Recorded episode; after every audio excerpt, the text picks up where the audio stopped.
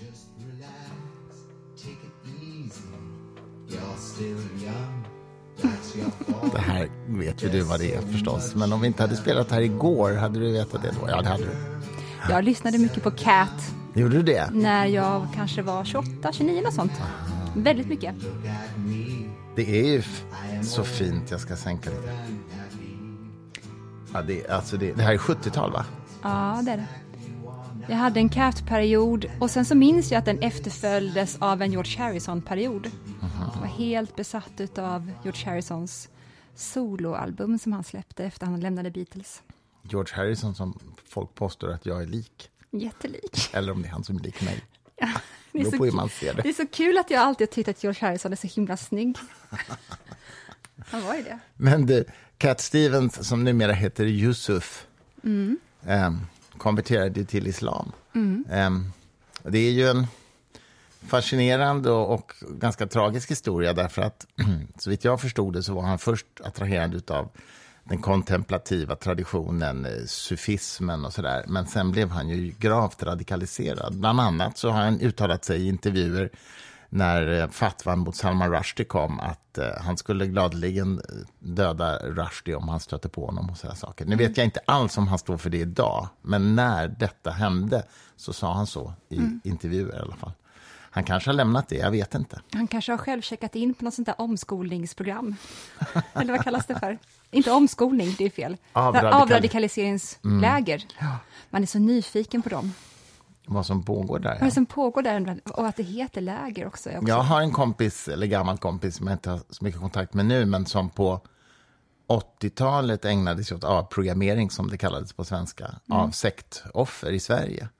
Och det var ju en olaglig verksamhet. Du, du vet, folk som Var var, med i så här, Moonrörelsen eller eh, Hare Krishna. Så här. Ja, den var olaglig så tillvida att det var, då, det var föräldrar som gav honom, min bekanta som jag inte kommer namnge, eh, gav honom i uppdrag att göra en sån här avprogrammering. Och då, då var det ju en regelrätt kidnappning. Man kidnappade alltså de här sektmedlemmarna och tog dem till en stuga någonstans i Norrland i, i ett par veckor. Och det är ju olagligt. För det är olaga- Människorov. Ja, ja, det är olaga frihetsberövande.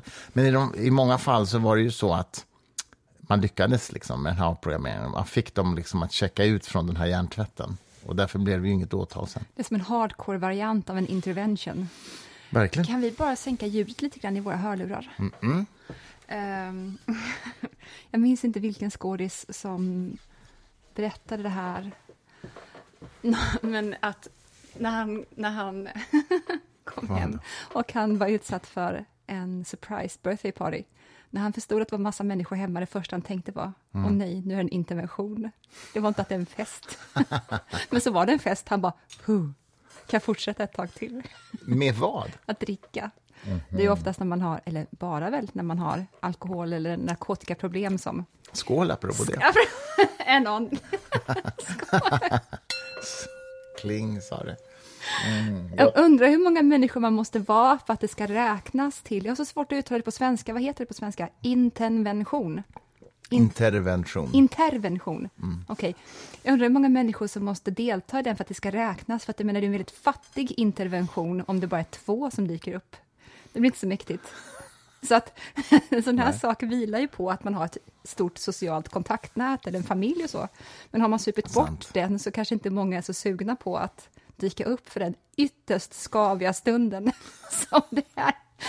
Och du menar, då tar man dem till avgiftningsklinik? Nej, man gör inte det ens, utan, eh, utan det är så här, jag vet inte varför, det här är inte roligt ens, det här är bara fel tillfälle att skratta. Intervention, ja.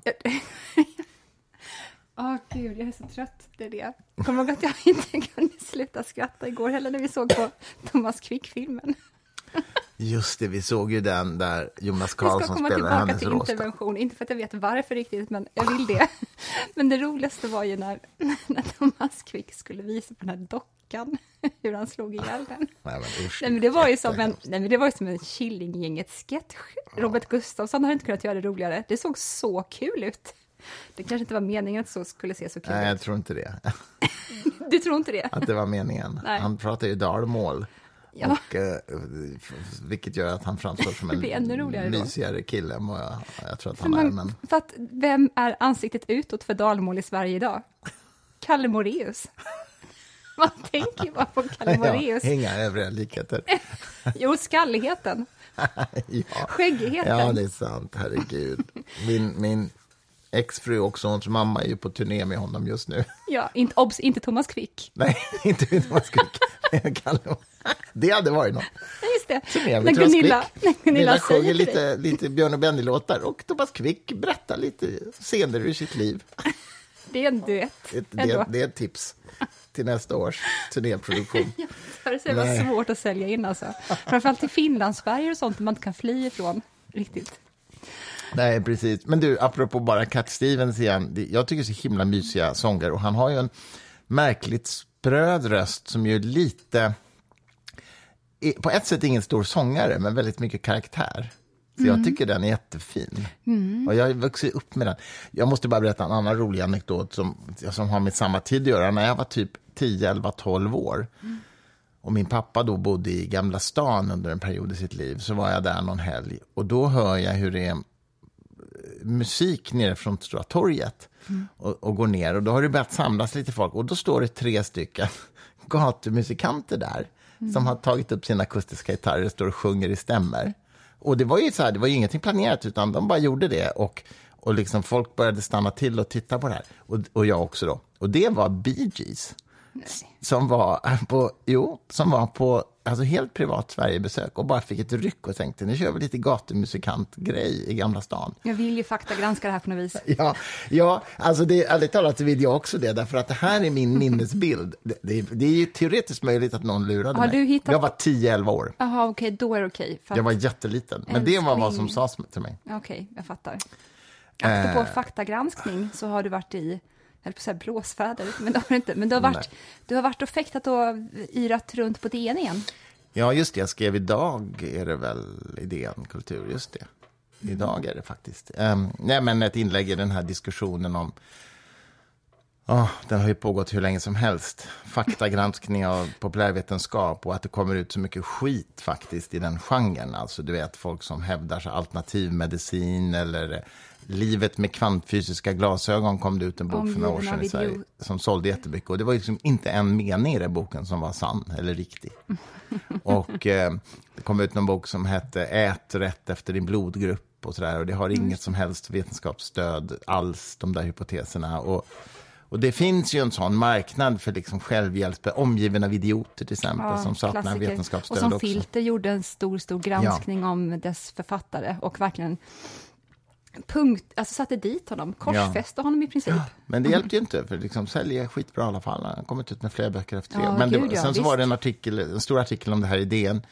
Maria Günther som skriver DN, vetenskapsjournalist, skitduktig. Och då var det en Josefin Olevik som skrev en mottext och sa liksom att eh, det är alldeles för rigitt att, eh, att man ska hålla sig till fakta ungefär i populärvetenskap. Det här faktakontrollen, det, det, är det förstör gestaltningen och den litterära kreativiteten och sådär. Och då skrev jag ett svar på det, en replik på det. För att jag tycker det är struntprat helt enkelt. Var det bara jag som läste in, det vill säga av dig och mig, Mm. att hennes kritik hade något outtalat som var så här, orkar inte med er män. Allt ska bara vara så otroligt vad vi vet om någonting och då får man bara säga det. Men allt det kreativa då? Allt det konstnärliga? Allt det kvinnliga? Jo, det, fann, det fanns väl en sån underton. Alltså, hon tog något exempel av en bok om Mary Wollstonecraft som hon tyckte mycket om. Och just därför att den gestaltade den här kvinnan, den här fantastiska kvinnan som hon säkert var, Wollstonecraft. Eh, och gav henne liksom, gjorde henne till kött och blod och hon, hon hade liksom tankar och åsikter och hade vissa kläder och frisyrer och sådär. Och ingenting av det är ju belagt liksom vetenskapshistoriskt så att hon exakt hade det vid den tiden. Och det är ju inte det som är problemet. Det är klart att man får gestalta. Problemet är ju när vetenskap, påstådda vetenskapsböcker driver en tes som är ovetenskaplig. Och framförallt utan att säga det. Om författaren skrev så här, okej det här är en spekulation nu som jag kommer med. Utifrån min, inte vet jag, Nu gör jag vetenskapsjournal. skönlitteratur utav detta. Ja. Eller om de sa så här, tänk om det är så här. Vetenskapen ger inget stöd för det visserligen, men tänk om det är så här. då, då är det ju okej. Men problemet är att väldigt mycket litteratur gör inte det. De påstår massa saker som de inte har grund för. Och sen så skrev jag ju också att man måste skilja det här från vanliga faktafel, för det finns i alla fackböcker. Liksom. Det, det är oundvikligt och de rättar man till nästa utgåva. Vad, man är ro- vad roligt det vore ifall någon nitisk person faktagranskade hela Knausgårds Min kamp i fem band. Alltså det vill säga Ja. om hans eget liv och sätter dit honom på honom själv. Är det fel? Åh nej, har jag låtit jättedåligt hela tiden nu? Lite svagt har det nog låtit, men det löser Klock- vi. Nu är vi tio minuter in, så kan vi bara kolla där och höja i- fram tills dess då. Ja, det är inga problem. Det fixar jag i mixningen sen, vet du. Alltså, försökte du vara lite sexig där? Nej, det försökte jag verkligen inte. Nej, okej. Herregud. Äh, men, äh, Jag har, jag har ju äntligen nu tagit mig an den här boken, Vinkretsen. Tagit mig Ja. an, jag har läst två sidor. Du har tjatat på mig sedan vi träffades att jag ska läsa den. Mm. Men nu händer det. Och nu är första gången som jag vill det. ja, men det är bra, man ska gå på sin, vad man vill faktiskt. Jag har ju jättedåligt, även ifall jag lever väldigt disciplinerat, så har jag fortfarande ett väldigt svagt Mm. kan man överjag. säga. Ja. Petar de gröna ärtorna till ena sidan av tallriken och, och köttbiten till den andra. Nej, jag skojar. Alltså, jag fattar inte att jag blir mobbad för det här. Du tycker det här är så Ni kul. förstår, kära lyssnare, Victoria äter saker i tur och ordning. I rätt ordning, från rätt sida om tallriken. Jag Först- sa igår att det är du och Rainman som höll på sådär, men det är bra. Ja. Först, i- alltså först idag, när jag var på sushin nere vid Gåshaga, Ja. då blev jag trakasserad där av personalen Mm. som säger, ska du inte prova något annat någon gång? För du har ätit samma rätt varje gång du har I lunchat. tre år. I tre år, det är ganska roligt. ganska roligt. Var med, var utsatt utav det. Verkligen övergrepp. Mm. Som ni hör, det här är inte tjejen som vill prova något nytt, om Nej, man säger så. verkligen inte. Det ska vara rutiner och välkända. I alla fall. Fast det är ju intressant när det gäller dina kunskapsintressen, för där är du ju otroligt nyfiken på ny, nya saker. Alltså, dina, vad menar jag, kunskapsintressen, lät konstigt. Dina intressen, helt enkelt. Så är du ju extremt nyfiken på ny kunskap och fördjupa dig. Så det Ja. gäller ju inte där, men Nej. det gäller vissa sådana praktiska saker. Varför skrattas det? Ja, Du sitter helt ensam och skrattar också. Men Det är jätteroligt. Det är liksom, Jävla- Du och Rainman, ja. Vi såg ju Rainman häromdagen. Vi såg inte klart den, vi tröttnade ju faktiskt. Mm. Det är fortfarande jätteroligt och jag vet att jag har berättat den här historien i podden tidigare, men det är så jävla Vi kan roligt. väl ta samma historier om och om igen så att, för att Ja, följa ditt jag- mönster. ja, för jag- ska, varför ska exakt. vi ta något nytt? För jag gillar ju inte samma historier om och om igen, du vet det ju. Ja, Jag får ju jag panik av det. Men jag gör det i alla fall nu. Det roligaste är ju när de kör en testvisning på Rain Man som film inför en publik första gången. I Los Angeles. Och då samlar de in ett frågeformulär som de har delat ut innan och kollar vad skriver de? Vad tycker den här testpubliken om slutet och um, när blev det tråkigt i filmen och sånt. Sånt görs ju än idag. Och då är det en karaktär, en person som har suttit i den här testpubliken och som skriver Uh, the movie was good, but until the end, I would just hope for the autistic guy to snap out of it. Ja, det skulle man ju önska även Snap om det out of hade it. gått. Så att säga. bara, bara skärp dig liksom. Snap också. Snap out of it.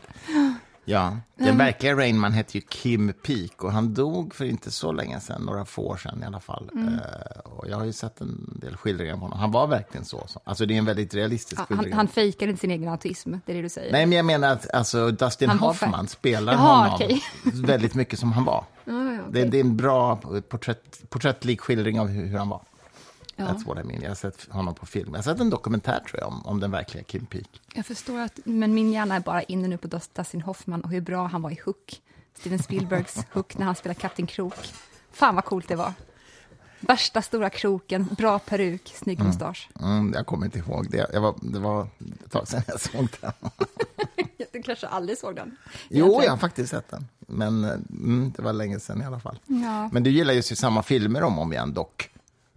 Om jag, jag var inne på Varför, varför kan du sluta mobbas? Ja, men alltså, Ja, men Jag tycker det är så kul när du sa till mig så här, ja, men du lyssnar ju på samma låtar om och om igen, då kan vi samma, samma filmer om och om igen. Det är ett bra argument. Ja. Du, du intervjuade ju mig i förra podden, så nu är det min tur att få ställa lite frågor till dig. Jag tror att en fråga som kanske lyssnarna undrar över, jag hur gör alla mår du?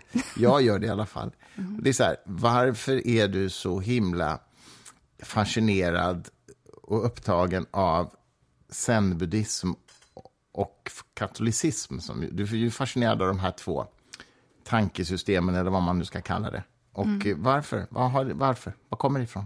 Vad handlar det om? Mm. Vad är det frågan om? Och sen så bara slut på podden. Sluta bara. Vad är frågan om? What's the point? What's the point? Skål. Skål älskling. När jag var 29-30 så hängde jag ju så mycket på Stockholm e eh, Ersta, vad heter det? Zen-buddhistiskt Zen center på Ersta. Gatan ligger där fortfarande. Sen buddhistiskt center. Ja, precis. Och älskade verkligen att sitta mot den här väggen med öppna ögon som man gör inom sen.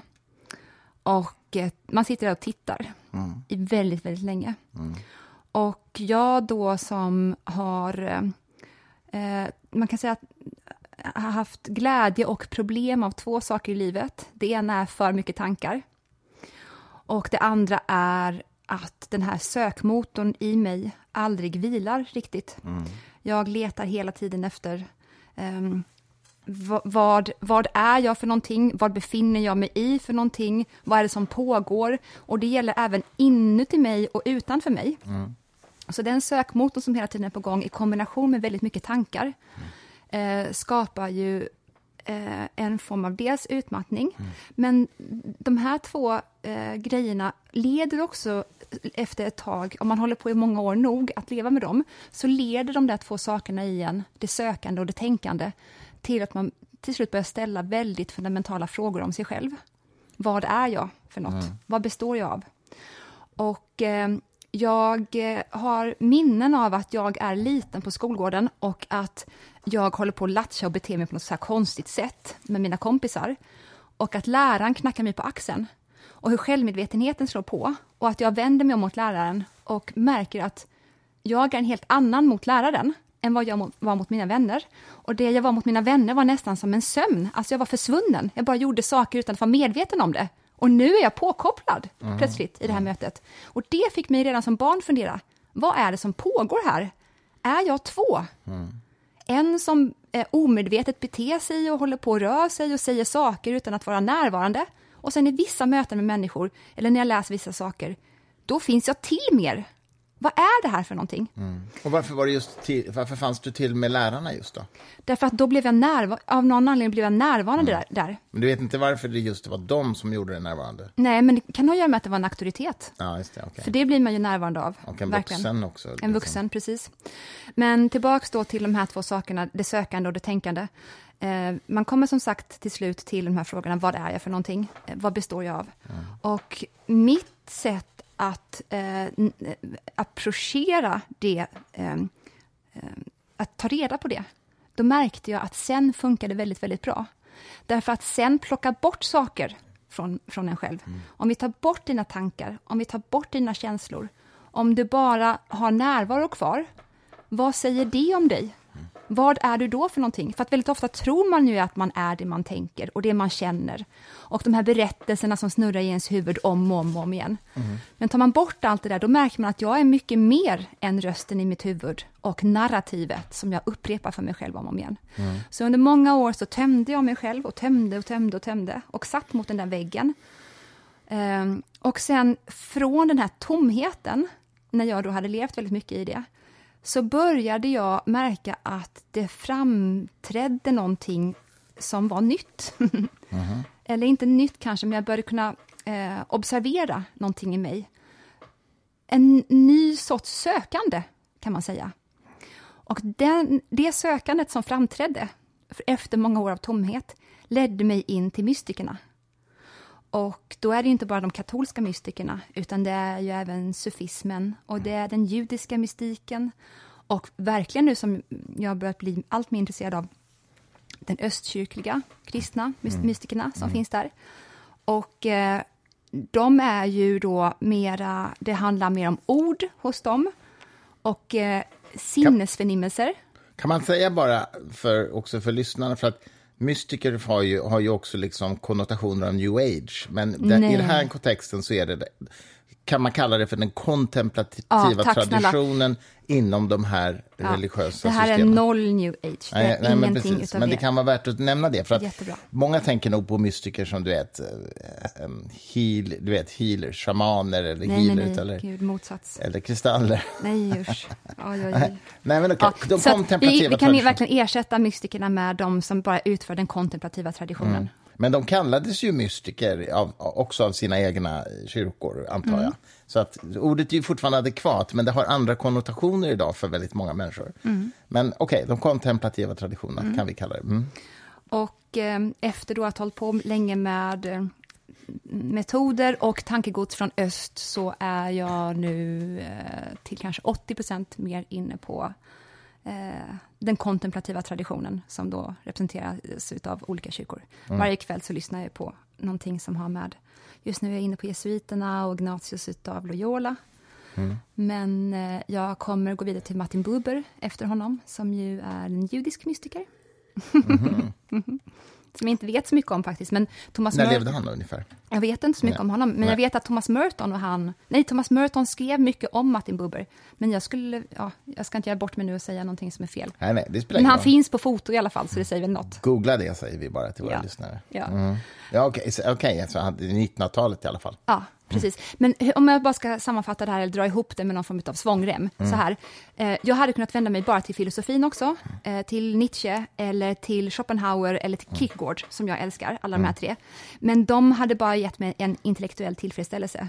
Och jag vet efter mina år i zen-buddhismen att jag är mer än intellektet. Det, det handlar om erfarenhet också. Ja, och, och eh, precis. Och vad erfarenheten kan ge för ny erfarenhet. En resa i, i medvetandets märkliga, märkliga rum. Men det är, det är så intressant, du har ju sagt till mig många gånger, vi pratat om det här utanför podden också, att, att du ser eh, till exempel konceptet med Kristusgestalten som en arketyp, en jungiansk arketyp, kan man säga. Ja. Och, eh, eh, och det jag tror för, för många som hör det här första gången, vi har ju pratat om det så många gånger, men så tror jag att man tänker, man tänker så här att oj, hur, hur får hon ihop ett intresse för då bland annat kristen kontemplativ mystisk tradition med Nietzsche, som, ju, som är en av dina husgudar, och som ju väldigt många förknippar med oerhört starkt avtagande från kristendomen. Och be- be- berätta liksom bara hur du lägger det pusslet, för jag menar Nietzsche avskydde ju kristendomen. Eh, och samt, ja, men, ja. Och han, du tycker han är en betydelsefull filosof för dig. Ja, men som jag tror att jag har sagt tidigare också så är det ju så att jag, han är, han är betydelsefull för mig, men inte för att jag håller med honom. Det är ju en urskiljning man måste göra. En inte del gör du ju. Ja, en del gör jag verkligen det. Och det, alltså min inkörsport till Nietzsche har ju varit Jung. Men han, Nietzsche har ju varit den som har utvecklat mitt tänkande kanske allra mest, tack vare att jag inte har hållit med honom. Men han har tagit mig till platser och in i resonemang som har gjort att jag mer har förstått mitt förhållningssätt istället. Och sen så, jag menar, det är väl klart att man kan eh, titta in i den här kaleidoskopet. För att alla de här stora tänkarna är ju som kaleidoskop. Och man kan bara se det här universat och alla dess beståndsdelar som något, något tankegods som de då har efterlämnat till världen. Utan att man håller med om det. Ja, det. Jo, jo, och ändå utvecklade det en jättemycket. Nej, men så att jag, eh, jag älskar ju, jag måste bara hosta, förlåt. Den här otroligt radikala tanken att den här eh, mannen som var född i Nasaret och som var jude, att han i den romerska kulturen, Jesus då alltså, att han införde det här nya förhållningssättet som var vi tar hand om de svaga. Jag lägger min hand under din kind när du har det som hemskast. Eh, och sen så då en urskiljningsförmåga på vem man ska ta hand om såklart och vem man ska vara hård emot. Det är inte så att han konsekvent är bara mjuk mot alla, han blir ju vansinnig regelbundet. Eh, Och verkar rätt narcissistisk också. det tycker jag absolut inte. Nej, Vad okej. menar du? Eh, Lämna din familj och, och Mm. följ mig. Ja, men så är det ju. Man, eh, du kan inte stanna kvar i den sortens eh, flora som inte utvecklar dig, bara för att det är din familj. Okej. Mm. Det räcker inte, Det är lite Nietzsche, tror jag också. det skulle man kunna kalla det. Okej, mm. Eh, utan du då som inte heller tror på det här med blodsmystik, det räcker inte att det är din familj. Du måste lämna dem ifall. Ja, jo, det håller jag med om. Verkligen. Eh, jo, men i alla fall, romerska tiden eh, under hellenistisk tid ehm, var ju en sån här period då man bara skulle slå ihjäl de som var svaga. Och han kom och sa, eh, jag ser din skörhet och de som har tömt tomma i anden är de som har vägen in till himmelriket. Alltså tvärtom istället för det här, den som är rikast av allt. Eh, den tanken och den, det förhållningssättet älskar jag, men samtidigt så älskar jag ju sam Nietzsche för att han hela tiden återvänder till att du måste bli stark. Han kallade ju kristendomen för en slavmoral. Ja, det gjorde han, precis. Eh, och jag har, så, så att jag har Jesus på ena axeln och Nietzsche på andra axeln. Mm, Perfekt kombo. Ja, jag tycker det, faktiskt. För De det, skulle kunna åka på turné. Det skulle bli bra. Du kanske kan ordna den. Får vi se hur många. Jag måste, bara, nu, ja. Jag måste bara få slutföra det här, för annars tappar jag tråden. Eh, så att den här urskiljningsförmågan som även jag står inför, när ska jag vara Jesus och när ska jag vara Nietzsche? Den, de, eh, vad ska man kalla det för, de eh, sinnebilderna hjälper mig att orientera mig i mötet med andra människor i mitt eget liv. För att Nietzsche då som säger att du måste bli stark, du kan inte hålla på och ehm, se svagheten som ett självändamål. Du måste bygga dig själv till en kapabel, ansvarsfull människa. För att annars kommer det också innebära lidande för andra människor. Ska de ta hand om dig då istället? Nej, men jag förstår, jag förstår. Det där är ju en intressant och svår balansgång. Jag tänker på Ayn Rand och hennes utpräglade egoism som eh, jag har jättesvårt för Ayn Rand. Jag tycker hon är extremt överskattad. Men samtidigt var hon en av de starkaste opponenterna mot em, rasismen i USA under sin samtid. Och, och liksom apartheidlagstiftningen och sådär som ju fanns då i USA.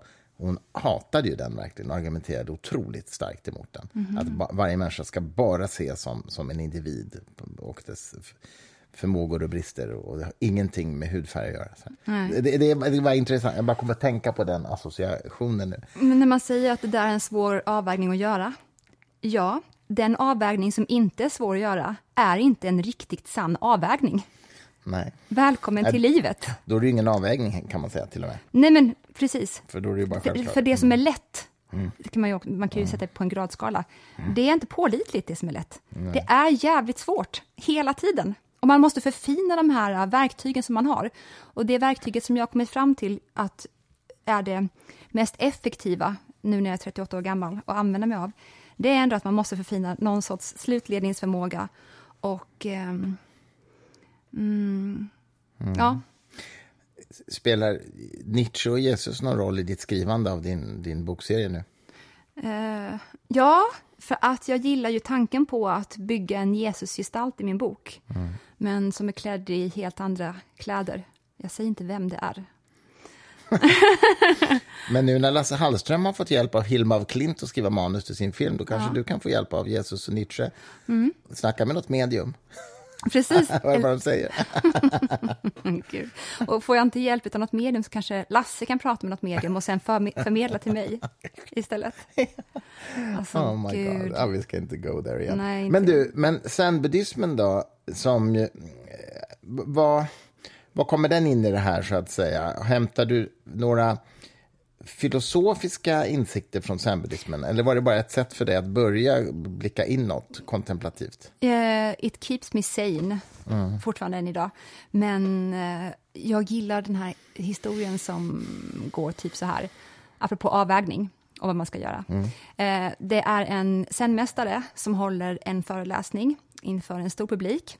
Och i slutet av föreläsningen så är det en frågestund, en Q&A och en dam i publiken eh, räcker upp handen och säger nu har vi fått lära oss massor om det här med att eh, acceptera saker och att tömma sig själv och vara närvarande i stunden och allt det här.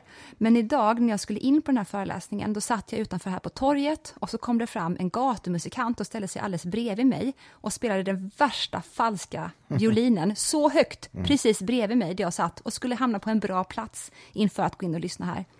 Och jag satt där och tänkte, nu ska jag acceptera det här, nu ska jag tömma mig själv. Och eh, det, här, är- låt mig inte, det här behöver inte störa mig, påverka mina känslor. Och sen så efter tio minuter så klarade jag inte av längre och så gick jag därifrån. Hur hade en upplyst person gjort? Frågar hon då den här zenmästaren. Mm.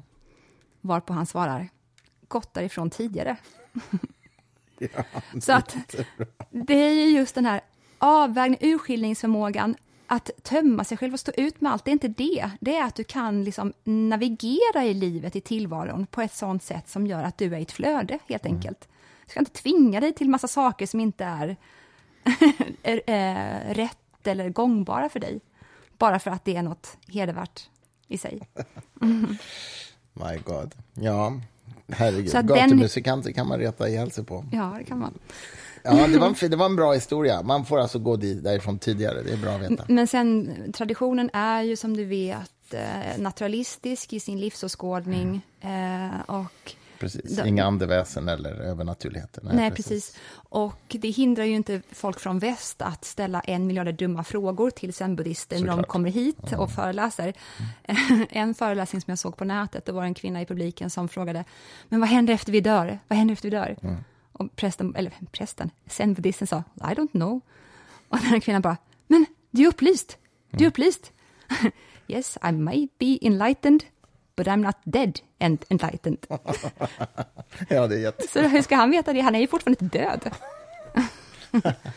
I'm not a dead zen master. Ja. I'm, I might be a zen master, but I'm not a dead zen master. Ja, det är det. jätteroligt. Ja. Det är faktiskt en bra historia. Du, apropå detta, så, apropå gatumusikanter, så kommer jag att tänka på något olagligt jag gjorde när jag var betydligt yngre än vad jag är nu. I Kungsträdgården en sommardag så stod det en sån här domedagspredikant som hade tagit med sig en högtalare Oj. med en sladd, lång sladd till hans mikrofon. Och så stod han liksom där och predikade i den här högtalaren, i den här mikrofonen om hur domedagen skulle komma och Jesus skulle komma och rädda oss och så vidare. Och det satt ju massa människor där och fikade och försökte ha en mysig sommardag och de tyckte inte det var så jävla kul. Och jag gick bara, jag bara passerade där genom Kungsträdgården, men då, gick, fick, då flög fan i mig, så då gick jag liksom bakom honom, emellan honom och hans högtalare. Och så precis när jag passerade hans högtalare så slet jag ut högt, sladden till hans mick ur högtalaren. Och du vet, han vände sig om och blev ju skitsur, men jag bara gick snabbt vidare. Och då, då applåderade folk och satt där. Nej, stackars domedagspredikanten.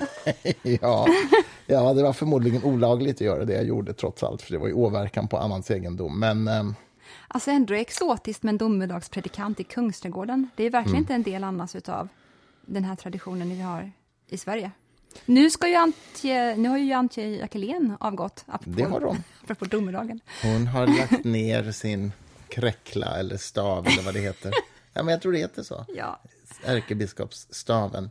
Och nu har Martin Modéus tagit över. Jag hade ju hoppats att min gamla kompis Mikael Mogren, som är biskop i Västerås, eh, att han möjligen... Han var ju kandidat till att bli ärkebiskop, men eh, eh, det blev han inte. Hur går sån där röstning till? Eh, är det så här typ att de kollar vem som har fått mest kakor och sånt? Nej. Vet du vad? Jag vet inte.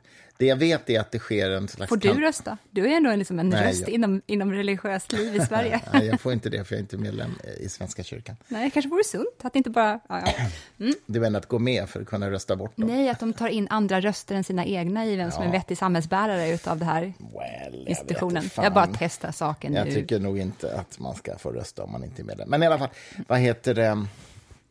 Eh, Mikael Mogren, biskopen i Västerås, är för övrigt en av de få religiösa, vad ska vi säga, offentliga religiösa personer som har vågat offentligt säga att sekulärhumanismen borde ha samma status och rätt till statligt stöd och sådär som andra religiösa rörelser. Eh, det har han skrivit i ett offentligt brev till den dåvarande utredaren eh, Ulf Bjäreld när man utredde det här. Eh, det hedrar honom, tycker jag. Eh, det är en sympatisk eh, man, men han blev inte ärkebiskop i alla fall. Nej, jo, men du frågar om hur själva valet går till. Det jag vet i alla fall, jag vet inte hur själva omröstningen går till, men det jag vet är att innan valet så har man en utfrågning av de ärkebiskopskandidaterna. Vad är din de- favoritfärg?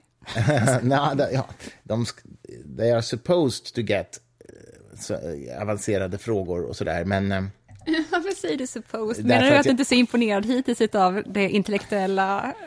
Nej, alltså det, det, så här, jag har sett de där utfrågningarna, de, det är väldigt snälla och tillrättalagda frågor tycker jag.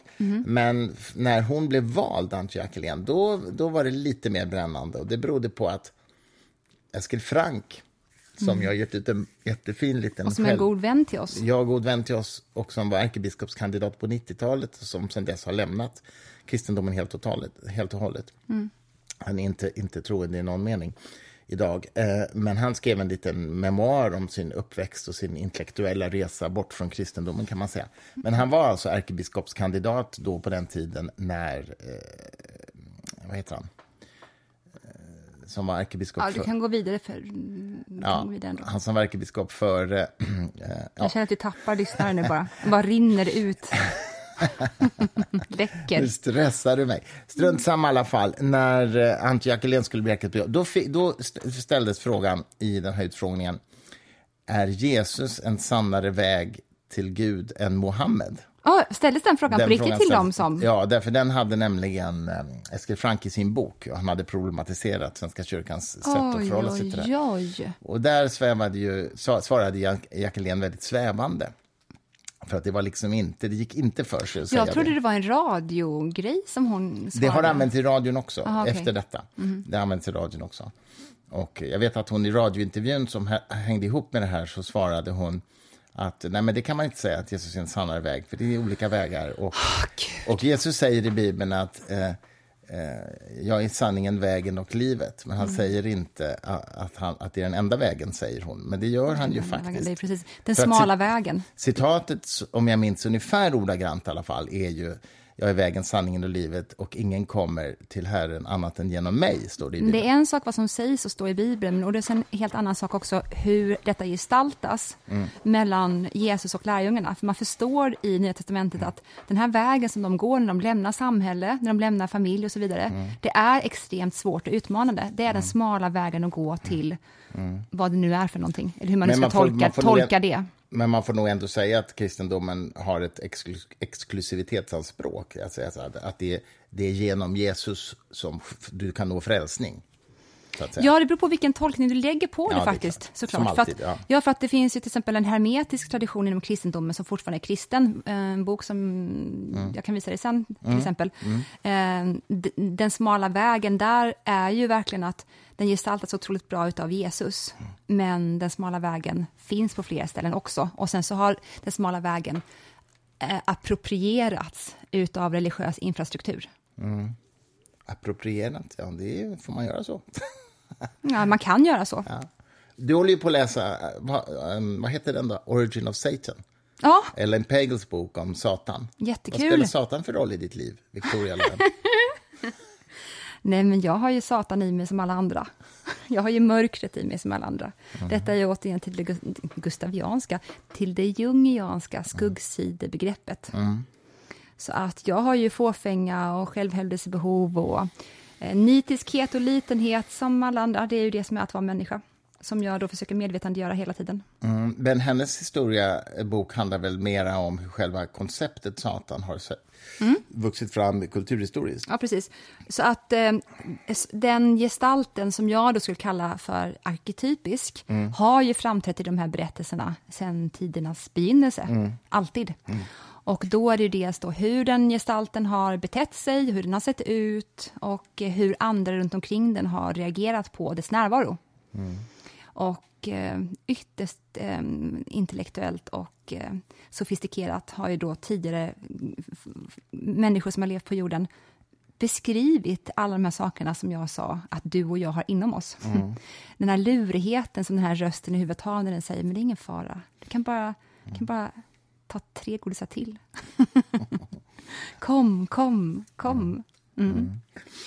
Nej, men det, det, det är intressant. Jag vet inte så mycket om detta, men jag vet ju att de som på medeltiden hävdade att eh, liksom det, det gudomliga i någon mening då inom citationstecken kom inifrån och inte utifrån. De uppfattades ju som kättare och satanister. Eh, och eller, ska jag säga, läste jag någonstans. Vi gav ju ut en bok som heter Mörkrets första som också handlar om Satans idéhistoria, så att säga. Jag jag för mig att det står om det där. Men alltså det här med att man gjorde Guds idén till någonting till en, en intern mänsklig kraft snarare än en externt väsen. Den där, det är just den kontemplativa traditionen som har överlevt ända sedan kyrkan bildades egentligen. Man brukar kalla den för Johannesvägen inom tron. Det är alltså den som erfar allt inombords och inte drar några ontologiska slutsatser. Nej. Inga Eh. externa existenser så att säga. Utan, Ja, fast det har de ju gjort också. Ja, Men det vilar allas- inte grund och nej, botten på det, nej. utan det är snarare kanske då att den tiden som var, de som var ökenfäderna och de som var mystiker på 11 och 1300-talet, det var Mm. väl mer att man hade inte begreppen klar för sig hur den yttre verkligheten fungerade. mm, ja. Eh, och då drog man då erfarenheter kring de inre upplevelserna och hur det då finns någon parallell till det yttre. Mm, vilket det kanske gör, jag vet inte. Nej, det är väl ingen som... Vi förstår ju fortfarande inte hur den yttre verkligheten fungerar. Nej, och i vilken mån är väl årets Nobelpris i fysik visat. höll. Ja, precis. Och i vilken mån, när vi pratar om den inre och den yttre, som vi hade ett samtal häromkvällen när vi pratade om nattvarden. Och det är så svårt om man börjar med förföreställningen om inre och yttre, för att som jag sa till dig, vi är till största del mellanrum. Om man kollar på hur långt det är mellan atomerna i oss, så är ju vi mest egentligen bara eh, mellanrum mellan beståndsdelar. Även atomen är mest mellanrum. Även- och i- dessutom i, sin tur, ja. Mm. Så att utanför vad? Utanför det här extrema mellanrummet vi är. Ja, precis. Nej, men vi pratade Däremot vet jag, måste bara säga det också, det glömde jag säga till dig när vi pratade om eh, nattvarden. Däremot kan jag ju säga en sak om det yt- yttre och det inre. Och det är att du inte hör vad jag tänker nu. och du vet inte vad jag besitter för eh, material och kunskap i, i mina tankar och i mitt sinne och i mitt psyke. Eller själsligt heller. Utan det är någonting som jag måste verbalisera till dig. så är det ju. Och i den meningen kan man ju verkligen, där finns någonting konkret som man kan hålla i. Det vill säga att du är inte jag. Och det, här, det här kokar ju ner till det här klassiska medvetandefilosofiska problemet, zombieproblemet. Hur vet, vi, hur vet vi överhuvudtaget att andra människor är medvetna? Ja. Det skulle ju lika gärna kunna vara zombies allihopa. Och, och, och vad har medvetandet egentligen för funktion kan man ju säga. Därför att det skulle ju lika gärna kunna vara, man skulle kunna överleva lika bra genom att agera instinktivt. Så att Ja, säga. ja, visst. Så det är ju ett, utav de, det är ju, det är det- ett av de stora frågorna. The det- hard problem i någon mening som David Chalmers formulerat. Ja. Uh, alltså, nej, heter han Char- David? Ja, det, Ja. just det, David Ja. Chalmers. Ja. Jag är helt trött i huvudet. Ehm, nej, men alltså, ja precis. Och vad, och vad tillför självmedvetande och till medvetande? Och finns det olika säger. nivåer på det också? Ja. Eh, det är kanske inte bara så att vi antingen eller medvetna eller inte, utan Mm. det kanske är så att man är på en 7,5-gradig nivå utav 10 Mm. ibland. Och sen då under tiden som du då kanske är en etta, det vill säga ganska inte så medveten, Mm. vad är det för mekanismer som ändå mottar information i dig, alltså det undermedvetna. Mm. Hur ser den metabolismen ut? Och neurovetenskapligt så vet man ju rätt mycket idag om hur, hur mycket vi konstruerar vår verklighet utifrån minnen och fylleri, hjärnan fyller i, så att säga. Vi tar in en del ljussignaler via ögonen, men vi konstruerar ganska mycket det vi ser. Vi lappar ihop det. Därför att hjärnan är ju extremt energikrävande, tar ju 20% av hela kroppens energikonsumtion. Och man, den, den försöker optimera sina processer. Liksom. Och då, det är därför man till exempel Pratade vi om det här i podden förut? Nej. Nej. Därför kan man till exempel om man går på en välbekant gata och så ser man en skylt i ögonvrån så kan man se vad som står där därför att man har sett den förut, även om den inte är där längre. Men om man tittar på den ordentligt då ser man ju att den inte är där längre såklart. Men hjärnan upplever att den är där och man bara ser den i ögonvrån så att säga. Därför att hjärnan fyller i med sina minnen. Och det samma, den samma optimeringen och samma ifyllanden sker ju när vi minns minnen. Så att vi Ja. fyller i minnen med minnen. Exakt, exakt. Det så, man kan inte vara, så därför är inte jag säker på att det var BG som stod där. För det kan, nej men för att återknyta till det jag Ja, sa verkligen. inledningsvis. Ja. Det, det, det vad jag, jag minns att jag såg det här, jag minns att min pappa Mm. och, och hans fru då liksom excitedly berättade om att det här var vad jag var med om så att säga. Men, Men once de again- kanske inte ens gjorde det. nej, det vet, nej, det vet jag inte. Nej. Och vad är då jaget mitt i allt detta? Ja, vad är jaget? I all den här sorteringsprocessen som pågår konstant mellan det yttre inom citationstecken och det inre citationstecken, vad är då jaget? Jag Och blir det någonsin egentligen, därför att inom Zen och inom även Advaita Vedanta, som jag också har varit inne på väldigt mycket, så är det ju så att eh, jaget ses på där som, med extrem skepticism. I alla fall så som vi menar med jaget idag i väst. Därför att i öst så tror man inte att det vi är in the core, om man nu ska kalla det för jaget, vi gör det bara för att kunna hålla i någonting. I öst anser man att det som uppfattar allt inte infiltreras utav det. Och med det menar jag att det är beständigt. Och det är, um, det, det är som vatten på en gås. Um, man tror att känslor infiltrerar den här kärnan mm. och tankar infiltrerar det. Mm. Men egentligen är det bara vår uppfattning om känslor och tankar mm. som kärnan registrerar. Mm.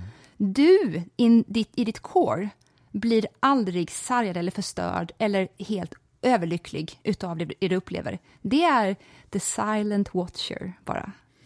Det menar man i öst mm. är det som är, du är på riktigt.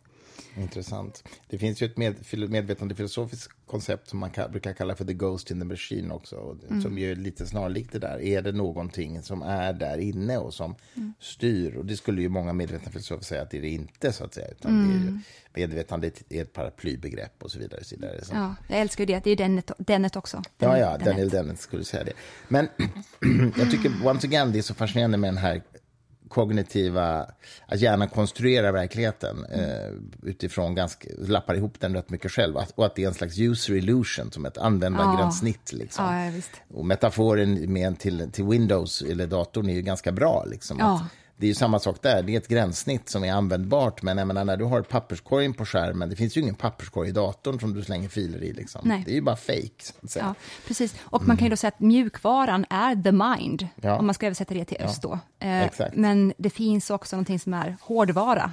Ja, men har jag, har, vi, har jag berättat i podden, det får du säga i sådana fall, om um, neuroforskaren Dramachandrans experiment med um, människor som har fått en arm amputerad. Det, det är så otroligt fascinerande. För att han, men det är så här att om människor har fått en arm typ bortsprängd eller varit i en olycka eller någonting så att de har tvungna att amputera så kan de ju få fantomsmärtor. Mm. Att, det, att det gör ont, att det krampar i den här armen trots att den inte finns. Mm. Och då kom han på en så jäkla smart grej. Han tänkte så här, eller han hade en hypotes, och det var så här, kan det vara så att den här krampen känns därför att hjärnan skicka signalen röra på armen och när inte det händer någonting, armen rör sig inte eftersom det inte finns såklart, så, tyck, så upplever hjärnan att den krampar, att den liksom sitter fast och krampar. Mm. Kan det vara så att det är liksom hjärnans själva misslyckade försök att röra den här armen som orsakar den här smärtan? det var hans hypotes. Var utspelar sig smärtan förresten? Om ja. armen inte finns? Ja, ja, den utspelar sig ju i hjärnan, som all smärta. Ja precis, mm. ja, precis. Men tror hjärnan att den utspelar sig i en arm som inte finns? Ja, okay, okay, Men det gör ju ont, alltså, så att säga, för de här. Det kallas för fantomsmärtor. Mm. Och då konstruerar han en spegelbox som är så jäkla smart. En, en, en, en låda, mycket enkel, kartong och speglar. och så säger han då att så gör man, försökspatienten skjuter in sin armstump, så att säga, i, i en del av den här boxen och sen så sin andra arm i en annan del av boxen. Och så har man konstruerat någon slags spegelsystem som gör att den, den friska armen mm. ser ut och också blir armen som inte finns. Så du får två armar plötsligt? Ja, du får två armar. Rent synmässigt får du två armar. Mm.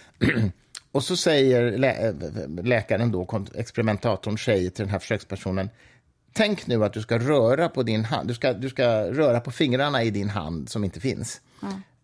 Och så gör du det samtidigt med den andra handen som finns. Ah. Så hjärnan säger till sin amputerade arm, rör på dig. Ja, och, och, så ser, att... hjärnan att det rör på sig. Ja. Vad händer och då? då, kan man då? Ja, då försvinner fantomsmärtorna. Därför att hjärnan blir lurad att den faktiskt fungerar som det, det ska. Det där var faktiskt en plot twist som ja. jag inte var beredd för. för jag trodde att, okej, okay, om du verkligen också ser att du har en arm fast det går bort, det, det, det, det avviker från allt bättre vetande. Mm om du ser att du har en arm, då borde du få ännu ondare, mm. tänkte jag då. Nej, alltså jag alltså, fattar inte varför synvillan skapar att det inte gör ont längre. Det är jättekontraintuitivt. Därför att hjärnan får visuell feedback på att instruktionen som den gav fungerade, det vill säga rör på dig och så ser den att den gör det. Okay. Jag har sett honom föreläsa om det här väldigt rolig föreläsning. Han säger att här, man får träna dem i det här ett antal gånger och då försvinner successivt de här fantomsmärtorna. Mm. Och till slut lär sig liksom hjärnan av med de här fantomsmärtorna. Mm. Och så avslutar han med att säga eh, den, den här boxen, den här liksom apparaten som hjälper dem med det här, den kostade liksom 100 dollar att bygga, för det var ett par speglar och kartonger. Mm. Så säger jag liksom, berätta inte det för mina forskningsfinansiärer. det var så billigt. jag vet, jag skojar om det. Men, men, Kul att man inte skojar om det. Att det var så. Han bara, ja, blink, blink. Ja. Pengar till Qatar. Men det är faktiskt häftigt, tycker jag, att, eh, att det helt enkelt är en slags illusion. Då. Den här smärtan är en illusion. Och vad det, men det är det som också, om vi återvänder till öst, enligt öst så är ju all smärta Jo, en illusion. Ja, ja, ja, visst, visst, visst. Fråga- jag, ska berätta, mm. jag ska berätta ett experiment till. Patricia Churchland, också neurovetenskaplig forskare och neurofilosof. Hon ber- berättar det att, i sin bok att ehm, du kan, om du förlamar ögonmusklerna, ögonen är en så Ögonen är liksom en del av hjärnan kan man säga. De sitter ju liksom nära hjärnan och nervtrådarna från ögonen, synnerven, går ju rakt till hjärnan. Så att hjärnan upplever inte ögonen som en separat kroppsdel utan som en del av hjärnan kan man säga, enkelt uttryckt. Och då kan man göra ett jävligt roligt experiment som är att du ger droppar i ögonen som förlamar ögonmusklerna helt och hållet. Det låter ju jätteläskigt, men det går att göra. Det var ganska skönt. Så att, du, så att om du, du tittar liksom rakt fram när du tar de här dropparna och sen kan du inte titta åt något annat håll förrän det här släpper. Du kan bara titta rakt fram. Och då är det så här att om hjärnan då tänker så här, nu ska jag titta till höger. Nu ska jag titta till höger. Då kommer inte hjärnan uppfatta, shit, jag kan inte titta till höger, för ögonen är förlamade. Utan hjärnan tycker att den tittar till höger. Och hela världen rör sig snabbt åt vänster. Det vill säga, Alltså varför måste allt vara så här? hela, hela världen rör sig åt vänster. Varför kan du allt- tittar till höger, tänker hjärnan, och världen flyttar på sig. Nej men alltså vet du, jag känner nu, jag blir bara förbannad. Varför kan Förbannad. ingenting vara logiskt? Varför måste allt vara så jävla komplicerat? Men det här var inte så komplicerat. Men varför ska det vara så? Det är, väl inte, det är väl inte helt, om, jag menar, om du bara hade slutat berätta den här historien, det är inte så att alla våra lyssnare ute bara, ja, då kommer hjärnan flytta sig åt vänster. Nej, men verkligheten flyttar sig Ja, åt vänster. verkligheten. Det är inte så att folk bara tänkte det av sig själva. Jo men, jo, men så här, om, du, om ögonen tittar rakt fram, men hjärnan tror nu att ögonen tittar till höger. Hur kommer det sig då att verkligheten ser ut som den gjorde där? Jo, den måste ju ha flyttat sig åt vänster. Ja, Okej, jag fattar. Men, men, men, det, men poängen med det här är, är, är ju att, att hjärnan, alltså det är en slags user illusion alltihopa. Ja, men det är ju det. Du kan också ta på dig ett par glasögon som vänder upp och ner på bilden. Ja. Och efter ett dygn, tror jag det är, så vänder hjärnan rätt. Alltså, jag vill inte liksom bli Elon Musk nu. men Nej, det är väl en bra Men- idé. Köp inte Twitter, är du snäll. okej. Vad heter det? Vi ska faktiskt avsluta ganska snart för att jag vill verkligen gå upp och laga mat till dig. Som alltid. Det är det bästa jag vet. Vet du, det är så mysigt. Jag ska laga den godaste Det här låter ju bolognesen. inte så tidsenligt, men okej. Du ska inte säga vad jag sa till dig när vi träffades. Nej, nej, nej. Det ska jag inte. Men, men det här var ju... Det, det, ja, du får hemskt gärna göra, älskling. Laga lite mat till mig. Så kan jag gå ner i, i verkstaden och arbeta lite. Nej, jag skojar bara. Gud. Och jag har lite Barollo kvar Ja, också. vad gott. Jag vill, vänta, nej, jag vill bara, Mm. jag vill bara mysa, eh, slutmysa en stund. Vad var det jag skulle säga? Vi måste avsluta med lite katt, mer Cat Stevens. Det bästa, alltså idag så tänkte jag när jag var ute och gick efter att jag haft möte med min jättekompetenta eh, kompetenta och eh, duktiga redaktör Fredrik. Eh, så tänkte jag mycket på vad som är ett, du kan sätta på under tiden älskling vill, vad som är ett gott liv. Och hur jag liksom förfinar min uppfattning om vad som är ett gott liv. Och det är precis en sån här dag. Jag går upp tidigt. Vi jobbar stenhårt, du och jag. Intellektuellt, vi skickar iväg saker som har med företagen att göra. Vi eh, är kreativa. Och sen så går jag och tränar jätte- jättemycket. Och sen så kommer kvällen och då vill jag äta den godaste maten och ta ett glas vin. Och dricka det godaste vinet. Ja, jag vill det. Och så vill jag prata och så vill jag lägga mig svintidigt. Det vet du. Det vet jag. Mm, nio, typ. Men så går man upp sex också. I Ja. morse gick, vi båda upp, vaknade ju typ ännu tidigare faktiskt. Ja. Vi avrundar. Vi, Skål! oh, oh, jag måste berätta Ja, en sak också, ja. för det här är så kul. Eh, bara sänk lite grann. Vad får vi höra nu? Eh, nu kommer det- bonusmaterialet. Ja, nej men För det alla här är ni så... som betalar för det här. Jag skojar. Ingen betalar för det. Nej. Vad heter det? Nästa gång så ska Isabella Lundgren intervjua oss Just och vi ska det. vara i samtal med henne. Så att det inte I en den här intervju. podden, ja. Eh, vår allra bästa kära vän Isabella Mm. Lundgren som är den bästa sångerskan som vi har där ute inom jazz och den traditionen. Ja. Så att Ja, det eh, blir jättekul. Om ni inte följer henne på Instagram och sådär så gå in och följ Isabella Lundgren. Och har ni inte lyssnat på henne så gör det ikväll med någon som du håller kär. Det var en jättebra idé, för hennes skivor finns på Spotify. Ehm, det blir i nästa podd, ja precis. Det blir nästa podd. Nu avslutar vi med lite Josef, eller Cat Stevens som jag Ja. faktiskt föredrar att kalla honom. Ja. Tack för idag. Change. Just sit down, take it slowly. You're still young, that's your fault.